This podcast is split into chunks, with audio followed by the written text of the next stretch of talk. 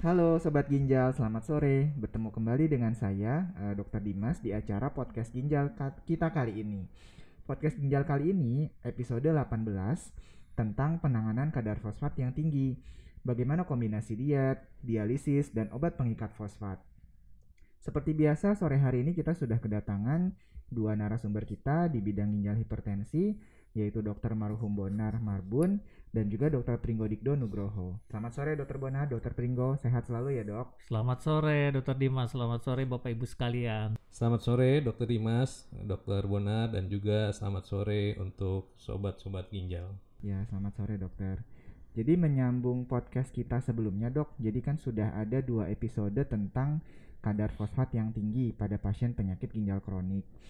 Uh, seperti kita tahu sebelumnya bahwa uh, di podcast sebelumnya kita sudah membahas diet sebagai salah satu penanganan kadar fosfat yang tinggi pada pasien hemodialisis. Nah sebetulnya ada nggak sih dok penanganan lain untuk kadar fosfat yang tinggi itu selain diet? Ya, makasih Dokter Dimas pertanyaannya. Ya kita tahu bahwa fosfat yang tinggi itu memang sering terjadi pada pasien dialisis ya, apa pun modalitas yang digunakan dan selalu kita menganjurkan untuk memberikan uh, pengikat ya pengikat fosfat ya yang rutin yang kita berikan lah ya obat-obatan itu. Namun memang faktor yang membuat uh, fosfatnya tidak terkontrol itu memang bisa ada beberapa hal yang yang mungkin terjadi. Yang pertama adalah preskripsi atau resep dari dialisisnya itu sendiri ya. Bisa dari AHD-nya atau CAPD-nya yang adekuat atau tidak itu bisa dijelaskan memang secara rinci nanti kalau memang ada waktunya ya. Nah, yang kedua adalah memang obat atau dietnya ya. Obat dan dietnya itu yang sering menjadi masalah pada pasien-pasien dialisis. Misalnya obat itu kan harusnya sih dikonsumsi pada saat dia makan gitu ya. Nah, memang kenyataannya memang cukup tidak menyenangkan ya pada saat dia mengkonsum ma makan terus harus mengkonsumsi obat itu tidak tidak nyaman itu. Sehingga itu menjadi penolakan untuk pasien-pasien kita yang dilakukan dialisis. Dan itu memang faktor yang terbesar kayaknya ya. Nah, di samping mungkin nanti kalau kita lihat lagi secara umum evaluasi intake makan yang yang ada itu yang sering terjadi ya? Kira-kira begitu untuk sementara. Baik dokter Bonar. Jadi memang uh, apa penting sekali di sini juga ditambah dengan pemberian obat mengikat fosfat ya dok. Iya betul sekali ya. kita ya. tahu sendiri bahwa rasanya mungkin bagi sebagian orang benar-benar ya uh, tidak enak lah. nggak enak sama sekali ya dok. Betul Cuman memang mau gimana harus tetap dikonsumsi ya dok? Wajib memang wajib. wajib. Jadi memang orang yang namanya gagal ginjal kemudian dilakukan dialisis itu memang tidak selalu sepenuhnya akan terbuang melalui dialisis maupun CAPD. Itu yang sering harus diingat sehingga memang harus ada konsumsi obat untuk membantu mengikat si fosfat yang ada di dalam pencernaan. Itu yang sering kita anjurkan.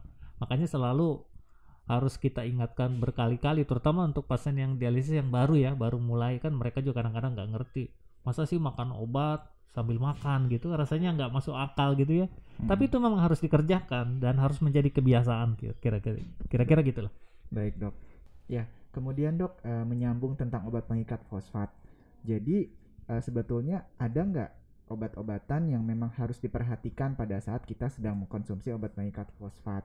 Apakah ada yang uh, mempengaruhi kerjanya atau ada yang uh, harus diatur uh, uh, minum obatnya gitu dok bersama dengan obat pengat fosfat gitu. Ya, ini memang uh, susah juga kalau ngejawab secara detail ya, karena obat-obatan itu kan sangat luas ya ininya variasinya ya. Ada golongan antibiotik, ada golongan obat pencernaan ya, ada obat-obat untuk penyakit ginjalnya ya. Nah, itu yang memang biasanya yang lebih tahu biasanya dokter ahli ginjalnya. Nah, pada umumnya sih memang sebagian besar ya kalau obat itu akan terjadi interaksi antara obat-obat tertentu dengan obat-obat pengikat fosfat. Sehingga perlu diperhatikan memang pada saat pasien pasien-pasien dialisis atau penyakit ginjal kronik berobat harus dikonsultasikan kembali ke dokter ahlinya karena pasti akan ada interaksi yang terjadi sehingga uh, apa uh, kadar fosfat yang ada di dalam tubuhnya akan terganggu sehingga memang membutuhkan obat tertentu pengikat fosfat untuk menurunkan kadar fosfat pada pasien penyakit ginjal kronik. Baik dok, terima kasih atas penjelasannya dok. Uh, saya beralih sebentar ya dok ke dokter Pringgo. Oke silakan. Baik dokter Pringgo, ada sedikit pertanyaan nih dok. Uh, mengapa sih dok penanganan kadar fosfat yang tinggi itu harus dikombinasi dok penanganannya dok? Nggak bisa satu-satu dok? Ya, eh, terima kasih dokter Dimas. Jadi seperti kita ketahui bahwa kadar fosfat yang tinggi itu kan akibat memang karena gagal ginjal sehingga ginjal sudah tidak bisa mengekspresikan lagi mengeluarkan lagi fosfat ya sehingga fosfatnya tinggi nah, e, untuk mengatasinya itu memang harus dilakukan beberapa hal ya jadi yang pertama jelas kita harus dietnya harus rendah fosfat ya kita harus memilih makanan yang rendah fosfat namun eh, ini agak sulit ya karena memang pada pasien-pasien dengan hemodialisis dianjurkan untuk mengonsumsi diet yang uh, tinggi protein ya. dan kebanyakan protein itu mengandung fosfat juga yang tinggi ya. Jadi ya, diet ini harus diperhatikan proteinnya, dikonsultasikan ke ahli gizi protein-protein yang memang mengandung fosfat yang rendah ya. Sehingga kita bisa mendapatkan manfaat dari proteinnya tapi eh, fosfatnya tidak menjadi terlalu tinggi atau tinggi ya. Yang kedua, hemodialisis sendiri sebenarnya bisa mengeluarkan membantu mengeluarkan fosfat namun memang eh, tidak apa ya dikatakan memang tidak terlalu efektif ya. Ini berhubungan dengan waktunya. Makin lama waktu hemodialisis yang dilakukan baru eh, efektivitas pengeluaran fosfat ini baru akan lebih baik ya. Jadi untuk pasien-pasien dengan hemodialisis ya memang kalau sudah dijadwalkan eh, 5 jam ya harus ditaati eh, dilakukan eh, 5 jam ya supaya eh, adekuasinya tercapai dan juga pembuangan atau pengeluaran dari fosfat ini juga cukup ya sehingga eh, hiperfosfatemia atau kadar fosfat yang tinggi itu bisa juga uh, teratasi atau dibantu dengan terbantu dengan hemodialisis ini ya. Yang berikutnya yang dilakukan juga ya kalau masih tinggi ya kita harus berikan obat-obat yang dapat mengikat fosfat di makanan ya. Sehingga fosfat yang tadi ada di makanan e, bisa diikat dengan obat-obat tersebut sehingga tidak diabsorpsi dan bisa ber, e, keluar dan tidak akan meningkatkan fosfat e, di dalam darah sehingga fosfat bisa terkendali atau terkontrol tidak dalam kadar yang eh, tinggi. Demikian. Baik dok, terima kasih atas penjelasannya. Berarti memang tidak bisa sendiri-sendiri ya dok untuk terapinya. Karena kalau sendiri-sendiri ternyata uh, banyak uh, masih banyak uh, kurangnya untuk uh, menurunkan kadar fosfat dibandingkan kalau misalnya kita kombinasi antara diet uh, hemodialisis dan juga obat pengikat fosfat di uh, apa diberikan secara dilakukan secara bersamaan. Baik, terima kasih Dokter Pringgo atas penjelasannya yang cukup mencerahkan. Kemudian uh, mungkin ini kepada Dokter Bona dan Dokter Pringgo nanti bisa uh, men menjawab. Uh, ada beberapa contoh kasus dok uh, kenyataannya sehari-hari ini kita temui di lapangan. Pasiennya sudah uh, rutin menjalani hemodialisis misalnya dok, uh, rutin tiga kali seminggu gitu. Kemudian uh, apa tidak pernah skip lah cuman uh, dia masih mengeluh kok kadar fosfat saya tinggi gitu kadang dia masih mengeluh sering nyeri-nyeri tulang atau misalnya uh, apa sering nggak enak badannya gitu katanya dok. Nah kira-kira apa sih faktor-faktor yang masih menyebabkan kadar fosfatnya tinggi dok pada pasien penyakit ginjal kronik yang udah menjalani hemodialisis rutin? Oke, Ya, makasih Dokter Dimas. Jadi memang ini uh, sangat kompleks ya jawabannya ya. Namun nanti uh, mungkin dokter Pringgo juga akan bantu jelaskan lagi. Saya sih hanya menyoroti ada dua hal aja. Yang pertama adalah uh, uh, pengikat fosfat itu akan terganggu penyerapannya itu sebagai komplikasi kronik ya harus diingat bahwa hal ini sebagai komplikasi kronik dari pasien-pasien dialisis ya. Jadi akan ada kecenderungan uh, fosfat yang ada di dalam tubuh itu meningkat.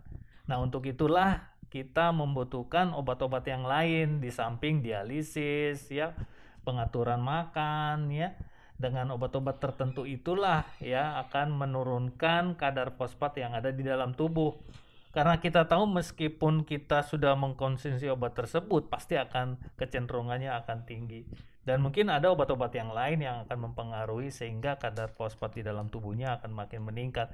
Mungkin itu aja mungkin yang bisa saya sampaikan. Yang lainnya mungkin Dokter Pringgo akan membantu kita untuk menjelaskan lebih detail. Makasih. Ya, jadi memang untuk mengendalikan kadar fosfat yang tinggi atau mengontrol kadar fosfat yang masih tinggi, ya, ada beberapa yang harus diperhatikan ya. Uh, yang pertama tadi diet sudah disampaikan ya uh, diet ya untuk supaya fosfat memakan makanan yang mengandung fosfat yang rendah ya. Lalu hemodialisis tadi saya kembali ingatkan uh, waktu hemodialisis yang cukup itu juga mempengaruhi efektivitas pengeluaran atau pembuangan hemodialisis. Jadi hemodialisis yang adekuat ya sehingga uh, kalau hemodialisisnya tidak adekuat uh, jelas ini juga bisa memberi menyebabkan uh, kadar fosfat masih tinggi. Uh, yang berikutnya adalah penggunaan obat pengikat fosfat yang benar ya. Uh, obat-obat pengikat fosfat tadi juga sudah disampaikan harus diminum atau dimakan bersamaan dengan makanan ya supaya bisa karena tujuannya untuk mengikat fosfat yang ada di makanan ya supaya uh, tidak diabsorpsi sehingga nanti atau tidak diserap ya sehingga tidak meningkatkan kadar fosfat dalam darah ya. Uh, jadi uh, diperhatikan cara makannya sehingga fosfat dapat kita kendalikan atau kita kontrol. Baik, uh, terima kasih kepada Dr. Bona dan Dr. Pringgo atas penjelasannya yang cukup lengkap dan mencerahkan bagi kita semua di sini. Untuk penutup uh, atau take home message uh, podcast kita kali ini, jadi uh, penting sekali untuk penanganan kadar fosfat yang tinggi tidak hanya dari dialisis atau uh, cuci uh, cuci darah saja. Jadi kombinasi antara diet, kemudian dengan hemodialisis atau CAPD eh, dan obat pengikat fosfat itu menjadi kombinasi yang harus diperhatikan oleh Bapak Ibu sekalian agar kadar fosfat kita terkendali. Dan juga penting uh, diperhatikan cara meminum obat pengikat fosfat yang baik dan apakah memang dia itu berinteraksi atau bercampur dengan uh, obat-obat lain bila diminum secara bersamaan. Nah, seperti biasa sebagai penutup uh, kita ada uh, tradisi di podcast kita kali ini yaitu pantun seperti biasa yang akan disampaikan oleh Dr. Bonar. Sepertinya Dr. Bonar sudah siap-siap. Silahkan Dr. Bonar. Iya, makasih uh, Dr. Dimas. Uh, saya mau baca pantun nih ya. Buah mangga manis rasanya, dipetik langsung dari pohonnya. Cakep, oi. Pendengar podcast ginjal yang selalu setia, tetap jaga kadar fosfat dalam tubuh kita. Siap, oke. Terima kasih Dokter Bona, Dokter Pringgo atas kesempatannya. Salam, Salam sehat. sehat, sobat ginjal. Salam sehat, sobat ginjal.